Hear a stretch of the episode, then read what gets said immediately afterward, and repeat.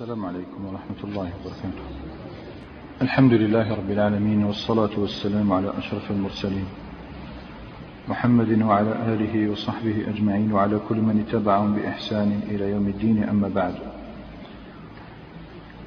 فكنا قد رأينا في آخر مجلس تتمة أحداث السنة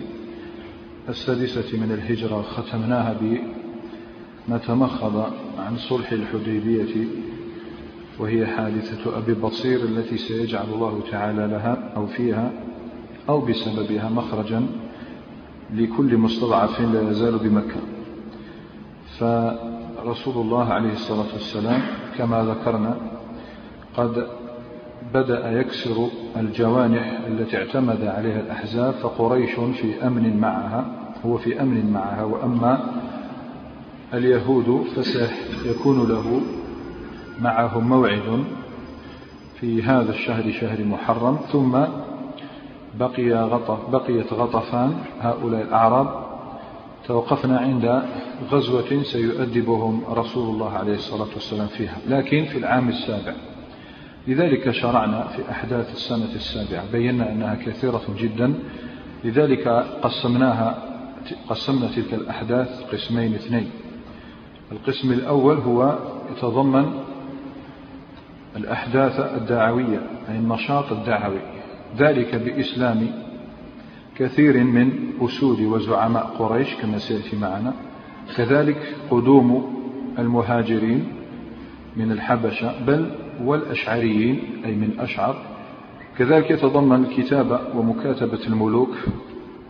وحل أزمة المستضعفين كل هذا نشاط دعوي فيه انتصار عظيم للنبي صلى الله تعالى عليه وسلم النشاط العسكري تضمن أربع غزوات سميناها إجمالا وعشر سرايا بينا أيضا تاريخها وأصحابها لكن تفصيل كل ذلك إن شاء الله تعالى سيأتي في حينه وبدأنا عامنا هذا بالحديث عن غزوة بدأ رسول الله عليه الصلاة والسلام بغزوة الغابة بينا اسمها غزوة الغابة أو غزوة ذي قرد وشرحنا معنى هذه التسمية أيضا بينا مكانها وزمانها كانت في شهر محرم من العام السابع وكان سببها هو أن هناك رجل من الأعراب من غطفان من فزارة بالتحديد يدعى عبد الرحمن بن عيينة بن حصن الفزاري هذا الرجل كان قد أغار على إبل رسول الله عليه الصلاة والسلام لقاحها فأخذها وقتل راعيها كما سيأتي معنا إذن فهذا قد ارتكب جريمتين جريمة قطع الطريق جريمة السارق الحرابة وجريمة قتل قتل راعي النبي صلى الله عليه وسلم فعندئذ استخلف رسول الله عليه الصلاة والسلام عبد الله بن أم مكتوم رضي الله تعالى عنه وأرضاه وأعطى اللواء لمن؟ للمقداد بن عمرو فارس رسول الله عليه الصلاة والسلام وخرج في خمسمائة مقاتل صلى الله عليه وسلم فلذلك كانت هذه الغزوة هي مطاردة وبدأنا في ذكر النتيجة قلنا نتيجة هذه الغزوة ندعها وندع من يبينها لنا ويقصها علينا هو الصحابي الجليل سلمة ابن الأكوع الذي بايع رسول الله عليه الصلاة والسلام على الموت ثلاث مرات فهو بطل هذه المواجهة فقد أبلى بلاء حسنا وسنرى عندما نقرأ هذه القصة وهي في صحيح مسلم رحمه الله تعالى يقول سلمة بن الأكوع رضي الله تعالى عنه كانت لقاح رسول الله عليه الصلاة والسلام ترعى بذي قرد اللقاح قلنا هي الإبل حديثة العهد بالولادة وفيها لبن فقالت كانت ترعى بذي قرد فقدمنا المدينة فبعث رسول الله عليه الصلاة والسلام ظهره مع رباح هذا رباح هو غلام رسول الله عليه الصلاة والسلام الرسول عليه الصلاة والسلام عندما ينزل بالمدينة يرسل الإبل إلى مكان الرعي أين ترعى أين تأكل العشب أين تشرب الماء يرسلها مع من مع غلام له اسمه رباح ورأينا في السابق في عندما تحدثنا عن غزوة الحديبية شفنا سالم بن الأكوع ماذا قال تركت أهلي ومالي وكل ما ورائي مهاجرا إلى الله ورسوله صلى الله عليه وسلم كان يعمل راعيا أو مهتما بشؤون أبي طلحة كان يهتم بفرسه ينظفه وينديه يرعاه إذا فقال وأنا معه خرجت مع رباحا خرجت معه بفرس طلحة أنديه أنديه بمعنى آه، أسقيه الماء أعطيه الكلام فلما أصبحنا ذهبوا إلى مكان الرعي فلما أصبحنا أي دخل عليهم الصبح لقيني غلام لعبد الرحمن بن عوف هنا بدأت القصة فقال أخذت لقاح رسول الله صلى الله عليه وسلم فقلت من أخذها فقال غطفان وفزارة غطفان وفزارة في رواية سمى قال عبد الرحمن الفزاري قد أغار على ظهر رسول الله صلى الله عليه وسلم فاستاقه أجمع أي أخذه كله وقتل راعيه فعندئذ قلت خذ هذا الفرس فأبلغه طلحة بن عبيد الله كان هو بإمكانه هو الذي يأخذ الفرس إلى طلحة بن عبيد الله لكن رأى أنه لا بد أن يهاجم هؤلاء ويلحق بهم الآن هم قريب منه يمكن أن يلحقهم فقال له يلا خذ هذا الفرس وأبلغه طلحة بن عبيد الله وأخبر رسول الله صلى الله عليه وسلم أن المشركون أن المشركين قد أغاروا على صرحه إذا باش يربح الوقت هو قال روح أدي الفرس لطلحة وأخبر رسول الله صلى الله عليه وسلم بما جرى أين أنت ذاهب هو ذاهب الآن ليلحق بهم وسنرى كيف جعله الله تعالى بمثابة الجيش عليه جيش هو واحد لكنه بمثابة الجيش قال ثم قمت إلى أكمة الأكمة جبل صغير فقمت واستقبلت المدينة فناديت ثلاث صرخات يا صباحاه أي قد أغار عليكم عدو في الصباح يا صباحاه هذا وقت غلس ظلام هذا وين دخل الفجر فأسمعت ما بين لابتي المدينة شفنا سلمة بن الأكوع كان عظيم الجثة يده مثل خف البعير كان عظيم الجثة فلا شك أن مثل هذا صاحب مثل هذه الجثة عظيم الصوت فأسمعت ما بين لابتين ما واحد ما سمعوش ثم اندفعت على وجهي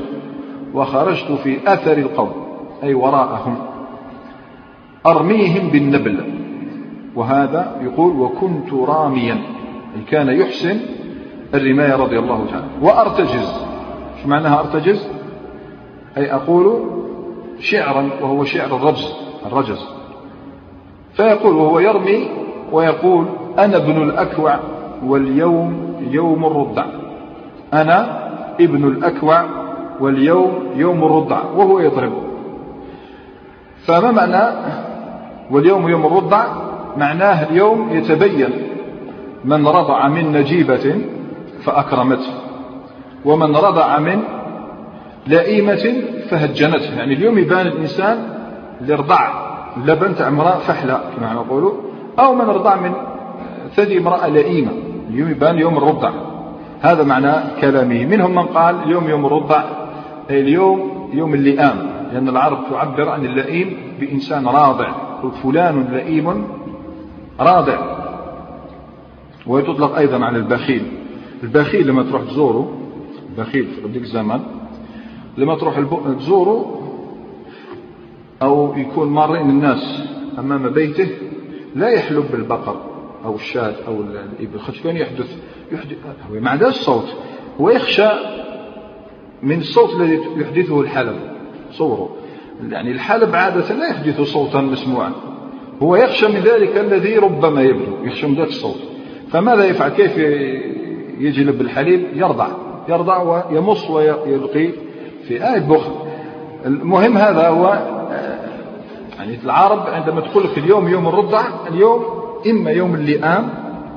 يوم يظهر يوم يوم نعاقبه اللئام الجبناء البخلاء أو يمكن أن يكون مقصود المعنى الأول الذي ذكرته اليوم يظهر من رضع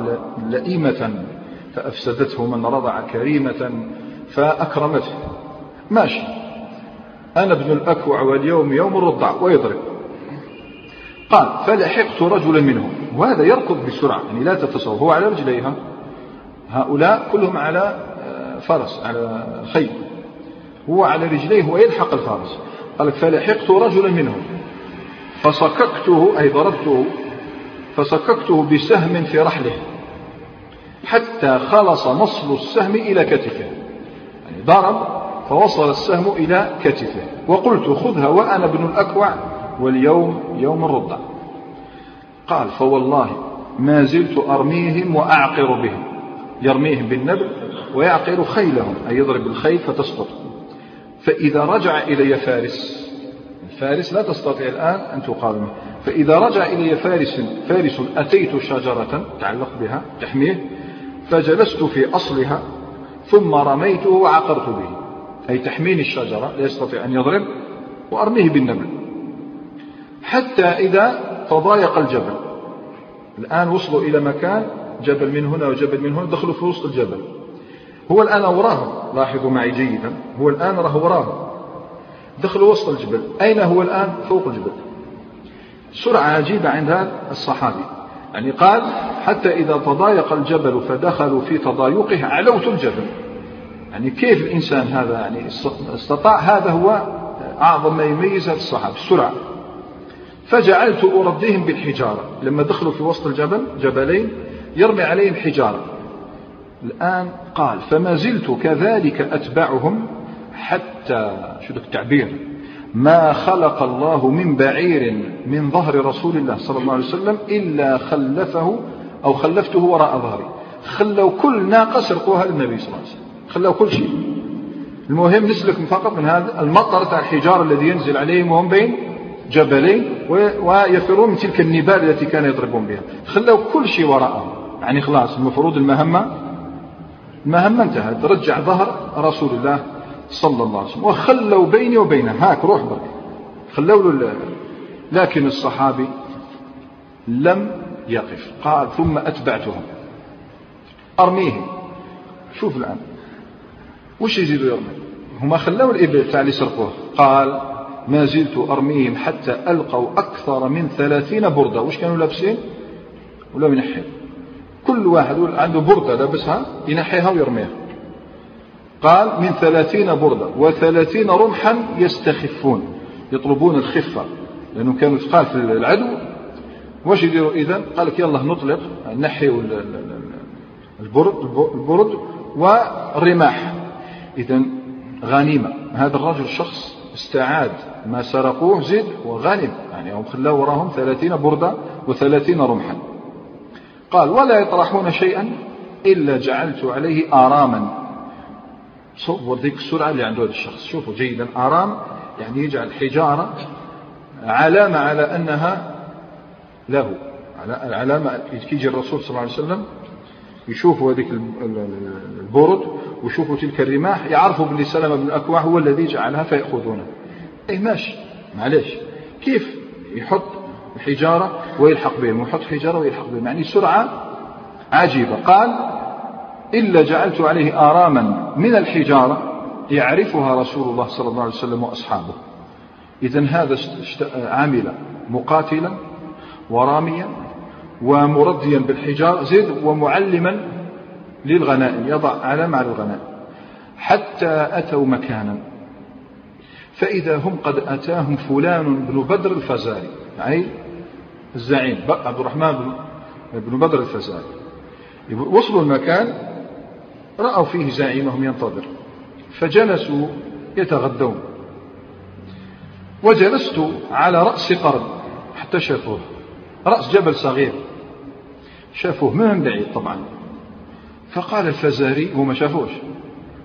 يلهثون طبعا هذا آه، تصوروا الحجارة التي وقعت عليهم هذا له كدمة في عينه هذا كدمة على أنفه هذا نبل دخله في كتفه المهم خسرهم قاع الراجل هذا فسدهم قاع وجوههم فقال ما هذا الذي أرى يعني مش بيكم فقالوا لقينا من هذا البرح لقينا منه جهدا وتعبا شديدا تعب عيان هذا الراجل طبعا هو إذا التفت كان يظن أنه سيجد جيشا فإذا به يرى رجلا واحدا على جبل صغير فقالوا له والله ما فرقنا منذ غلس نصبح أو عقبنا منذ غلس يرمينا حتى انتزع كل شيء في أيدينا يرمينا حتى نحن كل شيء قال عيينة إذا فليقم إليه نفر منكم وهكذا شوف الزعماء الجبناء مش يروح هو فليقم منكم أربعة إليه فصعد إليه أربعة إلى الجبل رايحين له رام بعاد قال فلما أمكنوني الكلام أي لما اقتربوا مني يستطيعون أن يسمعوا مني قلت هل تعرفوني فقالوا لا ومن أنت فقال أنا سلمة بن الأكوع والذي كرم وجه محمد صلى الله عليه وسلم لا أطلب رجلا منكم إلا أدركته يعني وين تروح يعني وين راك رايح وين تروح نجيبك ولا يطلبني رجل منكم فيدركني أبدا مستحيل واحد كان يجري وراي يحكمني فقال أحدهم أنا أظن اي أنا على بالي بهذا الشيء يعني شفته بعيني أنا أظن أي أنا موقن بذلك فرجعوا عاودوا نزلوا من رأس الجبل قال فوالله ما برحت مكاني بقيت حتى رأيت فوارس رسول الله صلى الله عليه وسلم هنا قدم الجيش طبعا الجيش يقسم دائما بطليعة حتى رأيت فوارس رسول الله صلى الله عليه وسلم يتخللون الشجر لأن المكان مكان اسمه الغابة فإذا أولهم الأخرم الأسدي على إثره أبو قتادة الأنصاري وعلى إثره المقداد بن الأسود الكندي يعني ثلاثة من أعظم فرسان رسول الله صلى الله عليه وسلم فولوا مدبرين كي شافوا الفرسان تاع النبي عليه الصلاة والسلام جايين هربوا فلحقهم الأخرم الأخرم حاب يركض وراءه فأمسكت يقول سلمة فأمسكت بعنان الأخرم أمسكت فقلت يا أخرم احذرهم لا يقتطعوك ما يدوكش بعيد علينا حتى يلحق رسول الله صلى الله عليه وسلم وأصحابه هذه الطليعة فقط فروا منها يقول اصبر حتى يأتي رسول الله عليه الصلاة والسلام فقال الأخرم شوف كلام تاع الصحابة رضي الله تعالى الذين يعشقون الشهادة فقال يا سلمة إن كنت تؤمن بالله واليوم الآخر وتعلم أن الجنة حق وأن النار حق فلا تحل بيني وبين الشهادة خليني وراءه قال فخليته فالتقى هو وعبد الرحمن بن بدر الفزاري التقى فعقر بعبد الرحمن فرسه هذا الأخ لم ضرب الفرس تاع عبد الرحمن ولكن طعنه عبد الرحمن فقتله مات وقتل واستشهد الأخرم وتحول على فرس هاربا الآن لما قتل رأوا أن صاحب رسول الله عليه الصلاة والسلام اسمه الأخرم قد قتل لحق به أبو قتادة أبو قتادة فارس من فرسان رسول الله عليه الصلاة والسلام لحق بعبد الرحمن فطعنه فقتله إذا الله عز وجل انتقم للأخرم فمات المشرك عبد الرحمن بن بدر الفزاري الآن سلم بن الأكوع المفروض واحد منا وش يقول تعب المفروض يجلس أو الحق الجيش يخليهم هم يكملوا المهمة لا قال فوالذي كرم وجه محمد صلى الله عليه وسلم لقد تبعتهم أعدوا على رجلي أعدوا على رجلي حتى ما رأيت أحدا من أصحاب رسول الله عليه الصلاة والسلام أي رحت وراهم حتى ما وليت نشوف حتى واحد من جيش رسول الله عليه الصلاة والسلام ولا غبارهم حتى الغبار تاعهم ولي تشوف قال فعدلوا أو وراهم دوك واش يقولوا خلاص رانا هربنا رانا ابتعدنا وسلم بن الأكوع دوك راهو مع الجيش تاع المسلمين نساو كاع باللي سلم بن الأكوع راهو هنا قال فعدلوا قبل غروب الشمس إلى شعب مكان في جبل فيه ماء فيه ماء يقال له ذو قرد ليشربوا منه وهم عطاش مصباح وجري وراهم لا شك أنهم عطاش فنظروا إلي الآن شافوه فنظروا إلي أعدوا وراءهم شافوه جاي يجري المفروض هم جماعة المفروض يقاوموه قال فخليتهم عنه أي فروا وتركوا الماء ما استطاعوا أن يشربوا قطرة واحدة فقال والله ما ذاقوا منه قطرة صور هذا الرجل سلم بن الأكوع قوته إقدامه وشجاعته يفر منه آه، أكثر من ثلاثين شخص قال وخرجوا يشتدون في ثنية فعدوت فلحقت رجلا منهم اشتدك العفسة تاع الجزائريين أطلق مطلق المفروض هذو طلقوا هو ما طلقش هما طلقوا كل شيء وراءهم خلوا الإبل خلوا السلاح خلوا البرد وهو وراءهم رضي الله تعالى ما تركهم قال فسككته أي ضربته بسهم آخر في نغض كتفه في الغضروف تاع الكتف في نغض كتفه وقلت خذها وأنا ابن الأكوع واليوم يوم الرضع فقال الرجل يا ثكلته أمه أكوعة بكرة أي سلمة بن الأكوع تاع الصباح أكوعة بكرة شغل كيما أنت تروح تشري حاجة تقول تاع اليوم هذه هكذا سلمة بن الأكوع تاع اليوم تاع الصباح فقال نعم يا عدو نفسه أكوعة بكرة قال وكان هو الذي رميته بكرة فأتبعته بسهم آخر يعني ربي سبحانه وتعالى سلط عليه هذا الشخص سلط سلم بن الأكوع عليه يعني أعطاه سهم الصباح زادوا سهم العشية شغل دواء شربوا هذا الصباح شغل العشية قال وأردوا فرسين خلوا فرسين وراءه على ثنية قال فجئت بهما أسوقهما إلى رسول الله صلى الله عليه وسلم خلاص يعني فروا ابتعدوا واستسلموا أخذ الفرسين إلى رسول الله عليه الصلاة والسلام لما وصل الجيش اجلس يا سلمة من الصباح حتى المساء وش قال قبل وخسر أن شربوا الماء قبل غروب الشمس من الصباح وهو يركض خلف أكثر من ثلاثين رجلا أخذ الإبل وأخذ السلاح وأخذ الثياب ورداهم بالحجر الآن آن له أن يرتاح قليلا فجاء عامر عمه لا قالوا الدرعتاء في الحديبية فجاءه عامر بسطيحة السطيحة هي القربة من جلد بسطيحة فيها مذق من لبن شوية لبن وسطيحة فيها ماء جاب شوية ماء وشوية لبن فتوضأت وشربت ثم أتيت رسول الله صلى الله عليه وسلم فقلت يا رسول الله صلى الله عليه وسلم خليني شوف كل مصباح واش خليني فأنتخب من القوم مئة رجل فأتبع القوم فلا يبقى منهم مخبر إلا قتلته يعني بعث معي مئة ونروح وراءهم فلا يبقى منهم مخبر وفي رواية قلت يا نبي الله صلى الله عليه وسلم إني قد حميت القوم الماء منعتهم من الماء وهم عطاش فابعث إليهم الساعة يعني الآن رم ضعاف ما شربوش ابعث إليهم الساعة فضحك رسول الله عليه الصلاة والسلام حتى بدت نواجذه كما نضحك الآن نحن يعني تتعجب من إقدام هذا الرجل عليك يعني إقدام عجيب وشجاعة قوية وإصرار فضحك عليه الصلاة والسلام حتى بدت نواجذه في ضوء النار سنان تاع الرسول عليه الصلاة والسلام ظهرت في ضوء النار وقال يا سلمة أتراك كنت فاعلا يعني قادر تدير هذا الشيء مصباح تجبل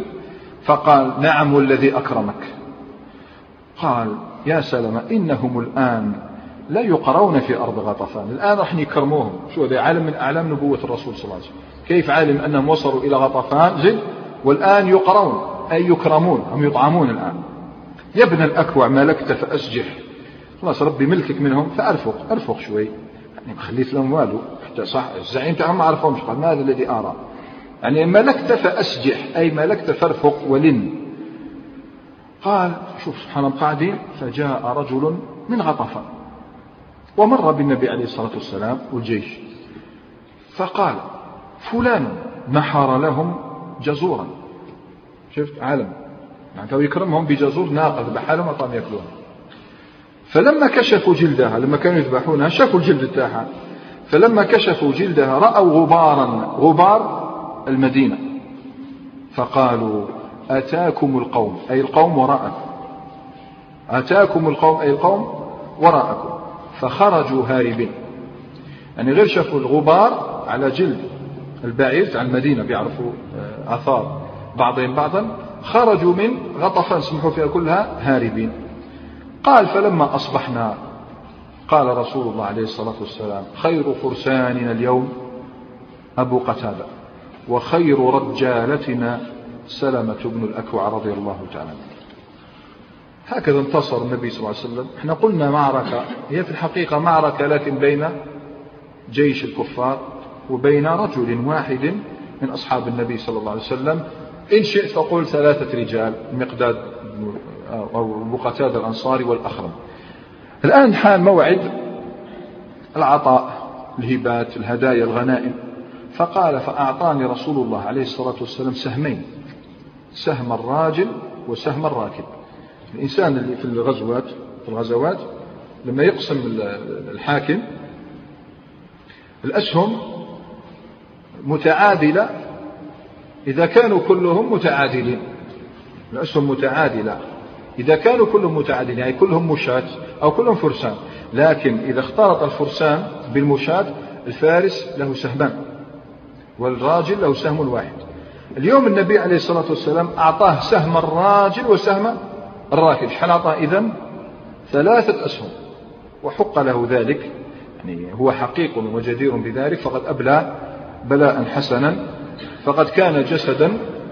مفتولا لله تعالى ولرسوله صلى الله عليه وسلم وكان قلبا ينبض بالفداء كان يفدي نفسه أو كان يفدي النبي عليه الصلاة والسلام بنفسه وهذا تدرك بعد نظر الرسول صلى الله عليه وسلم لماذا بايعه ثلاث مرات على الموت بالذات يوم الحديبية ها هو الآن انتهت الغزوة حان موعد الرجوع يتمتع رضي الله تعالى عنه بأعظم من الهبات والغنائم الآن يتمتع برفقة رسول الله عليه الصلاة والسلام الآن يلامس جسده جسده بما أردفه رسول الله عليه الصلاة والسلام خلفه قال اركب خلفي قال في صحيح مسلم ثم أردفني رسول الله عليه الصلاة والسلام وراءه على الأضباء راجعين إلى المدينة وهم في الطريق في ساعة الجد تلك بدت لهذا الصحابي رغبة في بعض اللهو الحق له الحق يعني اللي فيه منفعة والتحدي يريد أن يتحدى لماذا؟ لأنه رأى أمامه شيئا لا طاقة له به رأى تحديا إنسان يتحداه في المسابقة السباق فرحب بهذا التحدي يقول يكمل لنا حديثا المفروض تعب قال فبينما نحن نسير وراجعين المدينة كان رجل من الأنصار لا يسبق شدا الشد هو الجري بال... بال... على الأقدام كان رجل من الأنصار لا يسبق شدا فجعل يقول ألا مسابق إلى المدينة أي هل من مسابق إلى المدينة شوف راجعين من الجد الآن بعض اللهو المباح أو السباق فألا مسابق إلى المدينة هل من مسابق إلى المدينة فجعل يعيد ويعيد ويعيد ذلك الآن خلاص فلما سمع كلامه قال أما تكرم كريما ولا تهاب شريفا لكن درجات المسابقة هذه هذه المسابقة التي تدعو إليها كاع الناس ولا تستثني كما احنا يعني هل أدخل أنا في المسابقة تبانا أما تهاب كريما أما, أما تكرم كريما ولا تهاب شريفا يعني هذا المسابقة التي تدعو إليها كل المراحل ولا تستثني مرحلة كما احنا مثلا نحن أولو قوة فقال لا أي يعني لا أستثني أحدا إلا أن يكون رسول الله صلى الله عليه وسلم قلت يا رسول الله صلى الله عليه وسلم بأبي وأمي ذرني فلأسابق هذا الرجل خليني سابق فقال عليه الصلاة والسلام إن شئت فقال له هيا اذهب إليك روح ابدأ أنت أسبق يعني أطالوا مسافة روح هذا أكثر مصباح تهلني مسابق يدير في الفول كذا روح إليك واذهب قال وثنيت رجلي يستعد لي لأنه هذا الرجل ماشي عادي ما يجريش مباشرة يقفز شوي بعدين فهمنا يقفز ست قفزات وبعدين يطير صغيره هنا بعد ما تصيبوش قال وثنيت رجلي فطفرت وثبت أي قفزت فعدوت شوف قفز عدو فربطت عليه فاتوا بالخط فربطت عليه أي أمسكت ومن جهة باش يرجع له شوية النفس فربطت عليه أي أمسكت عن الجي شرفا أو شرفين يعني زدت خليت شرف والمكان العالي شفت لما تكون ماشي في الأرض تبدو لك الأرض المكان العالي زيد قالك أو مكانين عاليين خليه تقيس مكانين عاليين ابتعد فربطت عليه شرفا أو شرفين زيد له روح روح أستبقي نفسي ثم عدوت في إثره فربطت عليه شرفا أو شرفين ثم إني رفعت آه الآن قرر أن لا يبقي عليه ثم رفعت حتى لحقته هو كيش جاز عليه هو عم هذا كان حابس كي جاز عليه هو عم كان حابس فقال فصككت بين كتفيه ضربوا بين كتفيه قال له هكذا فصككت بين كتفيه وقلت قد سبقت والله قال وضحك الرجل قال أنا أظن يعني أنا موقن بذلك أنك سبقتني المهم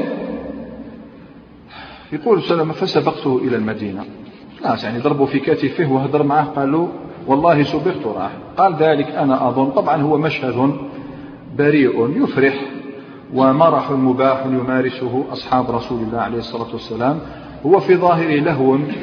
ومرح لكنه في الحقيقة فيه منفعة عظيمة جدا وهذا هو السباق الذي كنا تحدثنا عنه في مجالس السابقة هذا هو السباق الذي يرمي إليه الشرع سباق فيه منفعة فيه رفع دراية لا إله إلا الله محمد رسول الله عليه الصلاة والسلام لهو مباح مندوب أمام نبي وقائد محبوب عليه الصلاة والسلام عاد الجميع إلى المدينة ليرتاحوا من عناء الحديبية وذي قرد ليغتسلوا من غبار الطريق كلهم يريدون الراحة وخاصة رسول الله عليه الصلاة والسلام عاد ليجد راحته وهي من شيء كان يقض مضجعه يعني شيء ما كانش يخليه ينام وشيء كان يقلق فؤاده ويزعجه عليه الصلاة والسلام ألا وهي أزمة المستضعفين رضي الله تعالى عنه بعد أن يرتاح من أعراب غطفان شوف الرسول عليه الصلاة والسلام ماذا فعل في هذه الوقت فقط من شهر ذي القعدة إلى الآن كسر جناح قريش كسر جناح غطفان بقيت اليهود سيأتي يومهم الرسول عليه الصلاة والسلام قلت لم يعد يقلقه إلا مصير هؤلاء المستضعفين هناك فكان أبو بصير لا يزال يقطع الطريق على قريش وثقيف وحلفائها ما كاش واحد يريد أن يذهب إلى الشام يأخذ سيف البحر إلا وأبو بصير يمسكه أو يقتله ويأخذ كل ما لديه وظل يعني وقت حتى ضاق الأمر على قريش شوفوا قريش الآن ستمحو بنفسها بندا من بنود تلك المعاهدة الجائرة شوف الرسول عليه الصلاة والسلام خلاهم هما يمحون ما اشترطوه روى البخاري عن المسور بن مخرمة يكمل لنا حديثه الطويل قال فأرسلت قريش إلى النبي صلى الله عليه وسلم تناشده بالله والرحم تناشده بالله وبالرحم هو الذي كان يناشدهم بالله أن يصدقوه ويخلوا بينه وبين الناس وكان يقول لا أسألكم إلا المودة في القربى كان يناشدهم الرحم الآن أرسلوا إليه يناشدونه بالله والرحم إلا أرسل إليهم أرسل لمن؟ لأبي بصير وأن من آتاه فهو آمن اللي يخرج الآن من مكة إلى النبي صلى الله عليه وسلم فهو آمن ليس بالضرورة أن يعود إلينا هكذا انتصر رسول الله عليه الصلاة والسلام وجعل الله تعالى مخرجا للمستضعفين جميعهم فأرسل النبي عليه الصلاة والسلام إلى أبي بصير الآن عاد أبو بصير وأصحابه رضي الله تعالى عنهم أبو جندل وغيرهم عادوا إلى المدينة في أمن وأمان وفي سلام وأنزل الله تبارك وتعالى وهو الذي كف أيديهم عنكم وأيديكم عنهم ببطن مكة من بعد أن أظفركم عليهم وكان الله بما تعملون بصيرا هم الذين كفروا وصدوكم عن المسجد الحرام والهدي معكوفا أن يبلغ محله ولولا رجال المؤمنات ولولا رجال مؤمنون ونساء مؤمنات لم تعلموهم أن تطاؤوهم فتصيبكم منهم معرة بغير علم ليدخل الله في رحمته من يشاء لو تزيلوا لعذبنا الذين كفروا منهم عذابا أليما إذ جعل الذين كفروا في قلوبهم الحمية حمية الجاهلية يقول المسور بن مخرمة حمية الجاهلية أنهم لم يقروا بأنه نبي الله ولم يقروا ببسم الله الرحمن الرحيم وحالوا بينهم وبين البيت هذه حمية الجاهلية ما رضوا أن يقول الرسول عليه الصلاة والسلام من محمد رسول الله أو يقول بسم الله الرحمن الرحيم وصدوهم عن البيت الشاهد أيها الإخوة أن الله تبارك وتعالى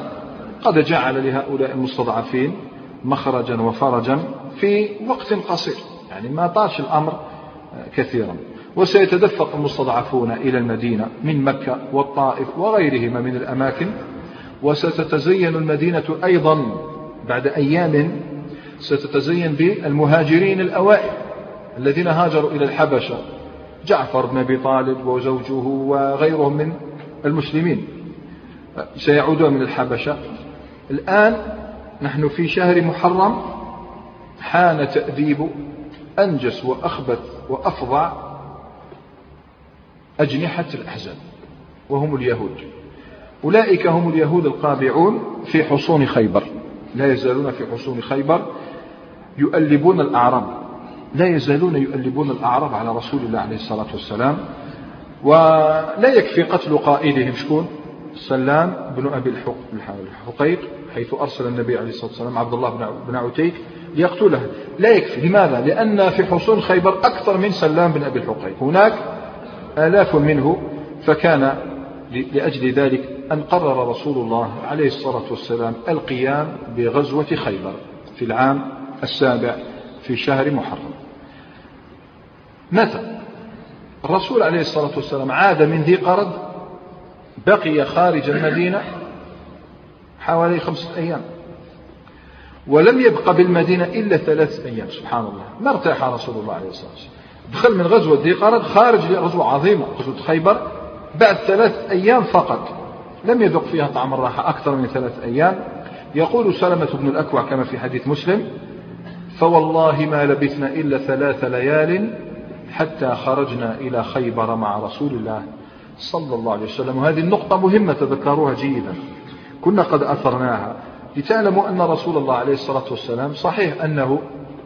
كان تزوج تسع نسوة لكن لم يكن بالرجل القابع في بيته كان يخرج من غزوة إلى غزوة مدة بقائه خارج المدينة أحيانا شهران أحيانا شهر ونصف أحيانا شهرا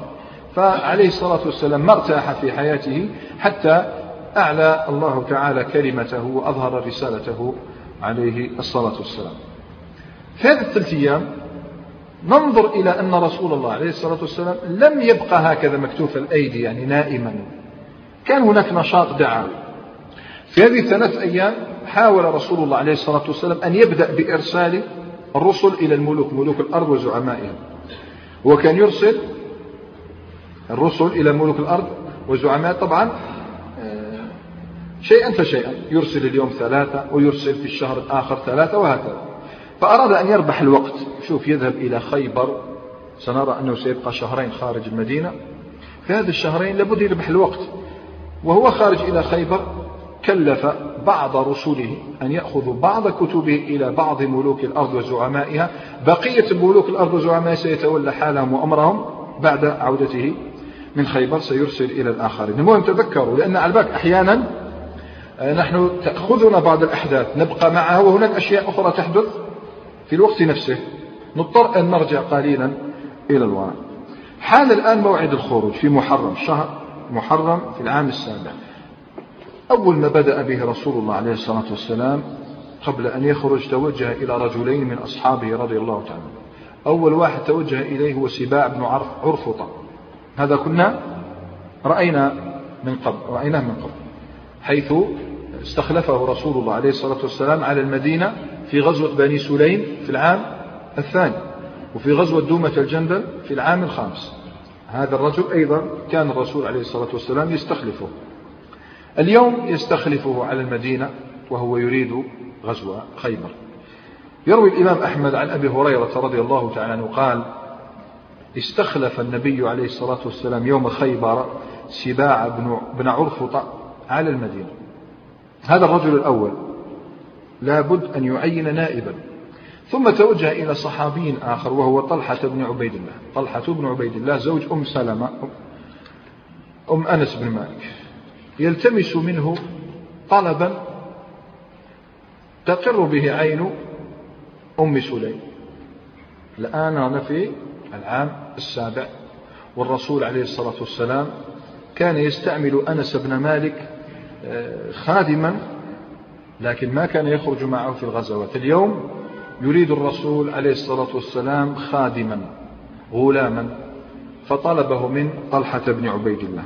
يروي البخاري عن أنس شوف أنس بن مالك ما صدق ما سمعته أذناه يقول إن النبي صلى الله عليه وسلم قال لأبي طلحة التمس غلاما من غلمانكم يخدمني حتى أخرج إلى خيبر قال فخرج بي أبو طلحة مردفي وأنا غلام راهقت الحلم قاربت الحلم فكنت أخدم رسول الله عليه الصلاة والسلام إذا نزل فكنت أسمعه كثيرا ما يقول اللهم إني أعوذ بك من الهم والحزن والعجز والكسل والجبن والبخل وضلع الدين وقهر الرجال هكذا رسول الله عليه الصلاة والسلام خرج من المدينة استخلف رجلا واتخذ خادما وبدأ المسير إلى خيبر مسير هذا المسير يهدف إلى تجفيف منبع من منابع المكر والخيانة والخداع لا يأتي قائل فيقول الرسول عليه الصلاة والسلام نراه سيقاتل في محرم لا الرسول عليه الصلاة والسلام ما ابتدأ القتال حتى بلغه أن يهود خيبر يؤلبون الأعراب عليه إذن فليس في هذا دليل على أنه يشرع ويحل بدء القتال في الأشهر الحرم خيم الليل على الطريق نزل الليل وانتشرت النجوم صور ذاك المنظر يا أخي منظر يعني في الليل انتشرت النجوم مع النبي عليه الصلاة والسلام جيشه ماض إلى خيبر أيقظ ذلك المنظر شجون ومشاعر صحابي وأيقظ الشعر في نفسه هذا الرجل هو عامر بن الأكوع عم سلمة بن الأكوع غرشف ذلك الجو وهم سائرون مع النبي عليه الصلاة والسلام في الليل كان بداخله من الجمال ما يوازي ويساوي جمال الطبيعة في ذلك اللحظة تلك اللحظة فكان شاعرا زد وعذب الصوت اجتمع له أمران وبدأ يقول شعرا يتغنى به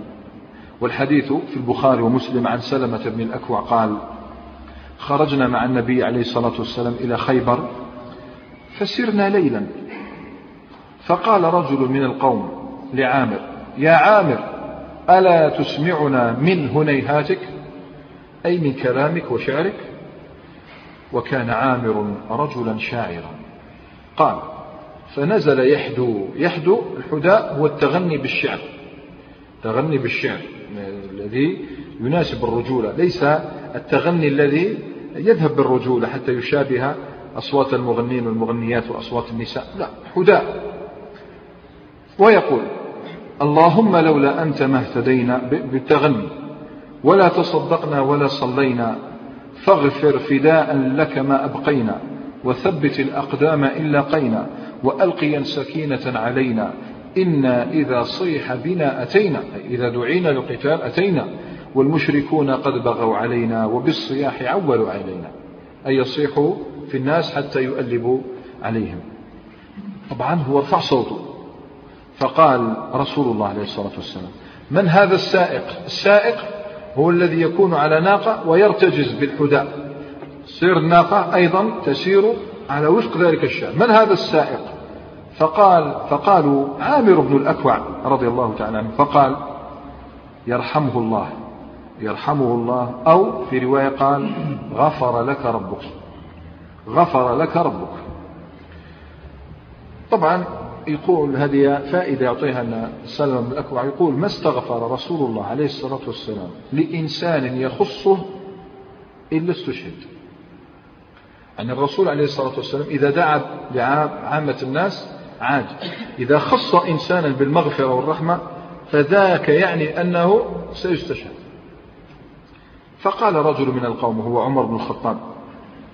يا نبي الله لولا أمتعتنا به أي لولا أبقيته لنا كان يعلم عمر بن الخطاب هذا أنه سيموت شهيدا فقال لولا أبقيته لنا ومتعتنا بشعره هكذا قال يا رسول الله لولا أمتعتنا به ومضوا طبعا ليلة من ليالي الجهاد في سبيل الله فاضت واختلطت فيها المشاعر بالشعر والفداء بالإيمان وليس فقط وليس فقط نفس عامر هي التي كانت تفيض بهذه المشاعر فهناك مشاعر رجل آخر رجل مشاعره قد بالغت به عنان السماء الآن في تلك الليلة كان هناك رجل على وجه الأرض يسير بلغت به المشاعر عنان السماء إنها مشاعر من؟ مشاعر عبقري الإسلام وذاكرته عبقري الإسلام وذاكرته رجل قادم إلى المدينة مشاعر رجل قد حاوى من العلم أوعية لا يحصيها إلا الله رجل يحمل علم عجيب مشاعر رجل أقربه إليك يماني والحكمة يمانية والعلم يماني والإيمان يماني بالخصوص أخصه إنه من قبيلة دوس أي هو يماني دوسي فمن هو؟ هو قرن في العام السابع هو معروف أنه أسلم في العام السابع هو أبو هريرة رضي الله تعالى أبو هريرة المتعطش إلى النبي صلى الله عليه وسلم المتعطش إلى العلم المتعطش إلى الإيمان في طريقه إلى المدينة في طريقه إلى المدينة لا يعلم بخروج نبي الله صلى الله عليه وسلم إلى خيبر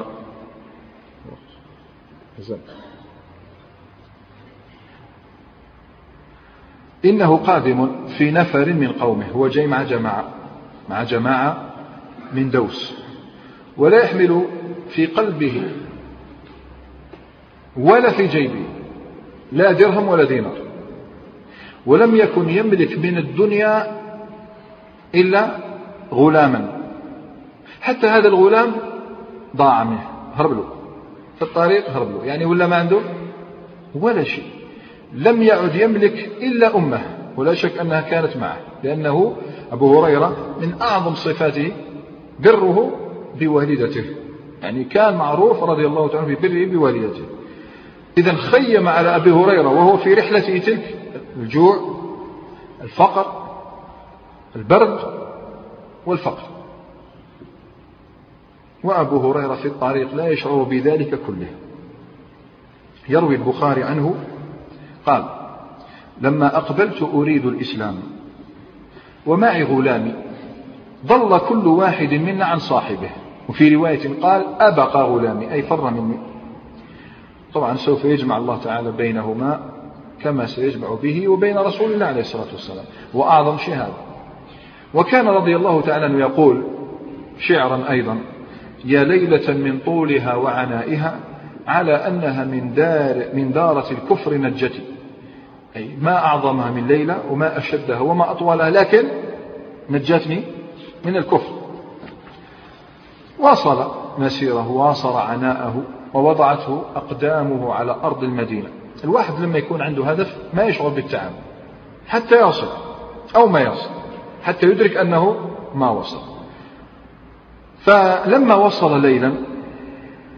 ولم يكن يشعر بالتعب ولا بالجوع ولا بأي شيء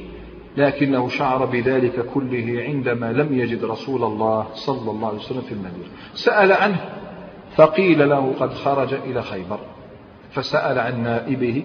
فقيل له استخلف سباعة ابن عرفط على المدينة يروي الإمام أحمد والحاكم وغيرهما ذلك عنه يقول أبو هريرة أو يروي الإمام أحمد أن أبا هريرة لما قدم المدينة في رهط من قومه والنبي عليه الصلاة والسلام بخيبر إذا ما لقاش الرسول عليه الصلاة والسلام في المدينة وقد استخلف سباع بن عرفطة على المدينة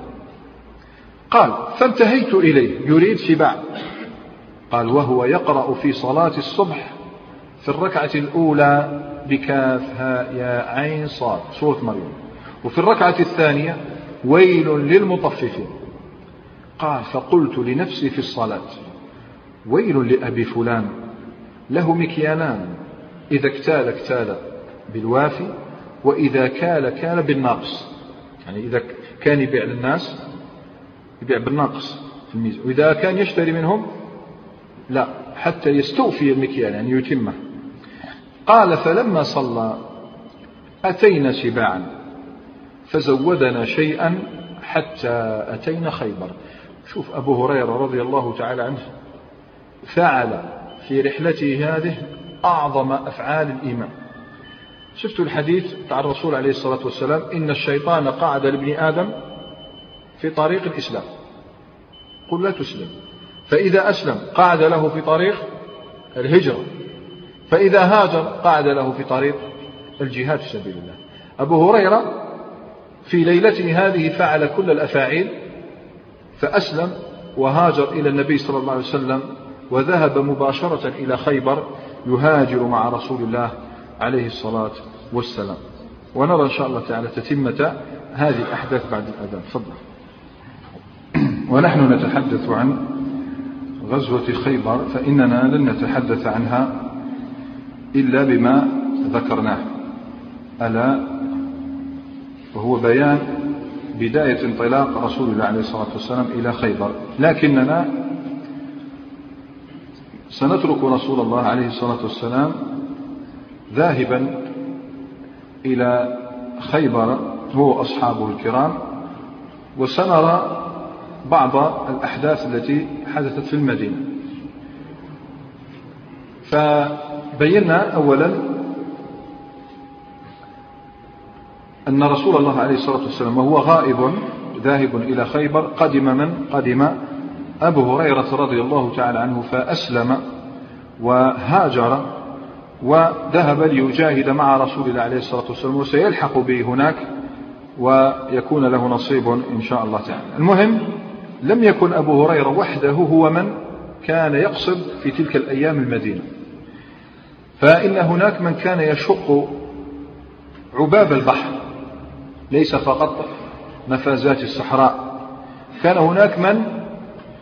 يشق البحر نحو المدينة كانت هناك سفينة قادمة من أرض الحبشة إلى الساحل تأتي من أرض الحبشة إلى الساحل يعني لاحظوا الهجرة إلى الحبشة كنا قد تحدثنا عنها عن صعوبتها عن بعدها الحبشة ليس الأمر الهين وكانت هذه السفينة تحمل نوعا خاصا من المؤمنين كانت تحمل أوائل المهاجرين تحمل الغرباء المعذبين وكانت تحمل جعفر بن أبي طالب وأمه وزوجه أسماء بنت عميس وكانت تحمل أيضا الأشعريين الأشعريين هؤلاء جماعة أسلموا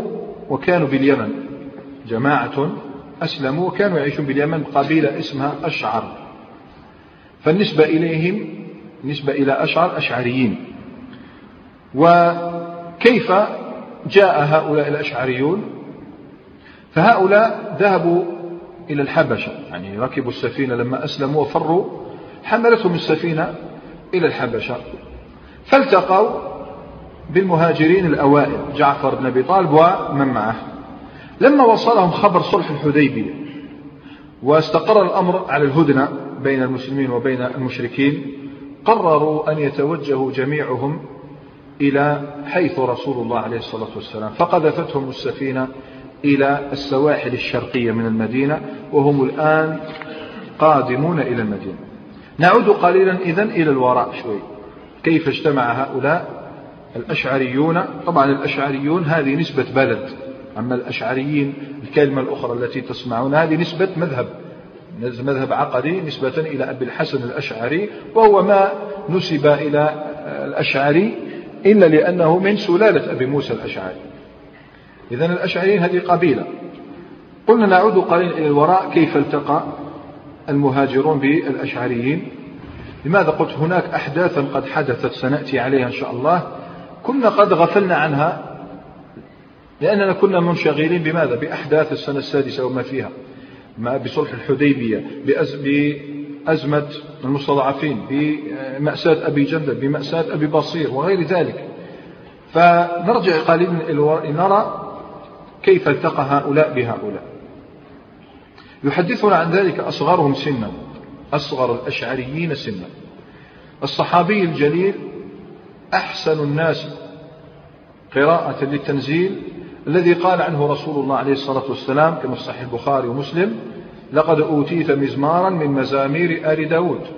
ذلك الصحابي هو أبو موسى الأشعري يروي البخاري ومسلم عنه قال بلغنا مخرج النبي صلى الله عليه وسلم ونحن باليمن فخرجنا مهاجرين إليه أنا وأخوان لي أنا أصغر أحدهما أبو بردة والآخر أبو رهم خرجنا في ثلاثة وخمسين أو اثنين وخمسين رجلا شوف اثنين وخمسين أو ثلاثة وخمسين رجل يماني فركبنا سفينة فألقتنا سفينتنا إلى النجاشي بالحبشة ووافقنا جعفر بن أبي طالب وأصحابه عنده التقى الجميع هناك فقال جعفر إن رسول الله عليه الصلاة والسلام قد بعثنا هنا وأمرنا بالإقامة فأقيموا معنا إذا أبو موسى الأشعري لم يسلم في العام السابع هو أسلم من قبل تبان أسلم من قبل وبقي مع من بقي في الحبشة قال فأقمنا معه مع جعفر حتى قدمنا جميعا فوافقنا النبي صلى الله عليه وسلم خرج إلى خيبر إذا التقى الجميع هناك على أرض الحبشة الرحبة الواسعة في ضيافة ملكهم العادل الكريم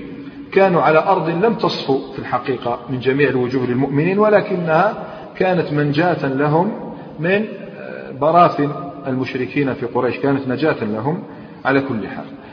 وجاءت هذه اليوم هذه السفينة تحملهم جميعا إلى السواحل الشرقية فهم الآن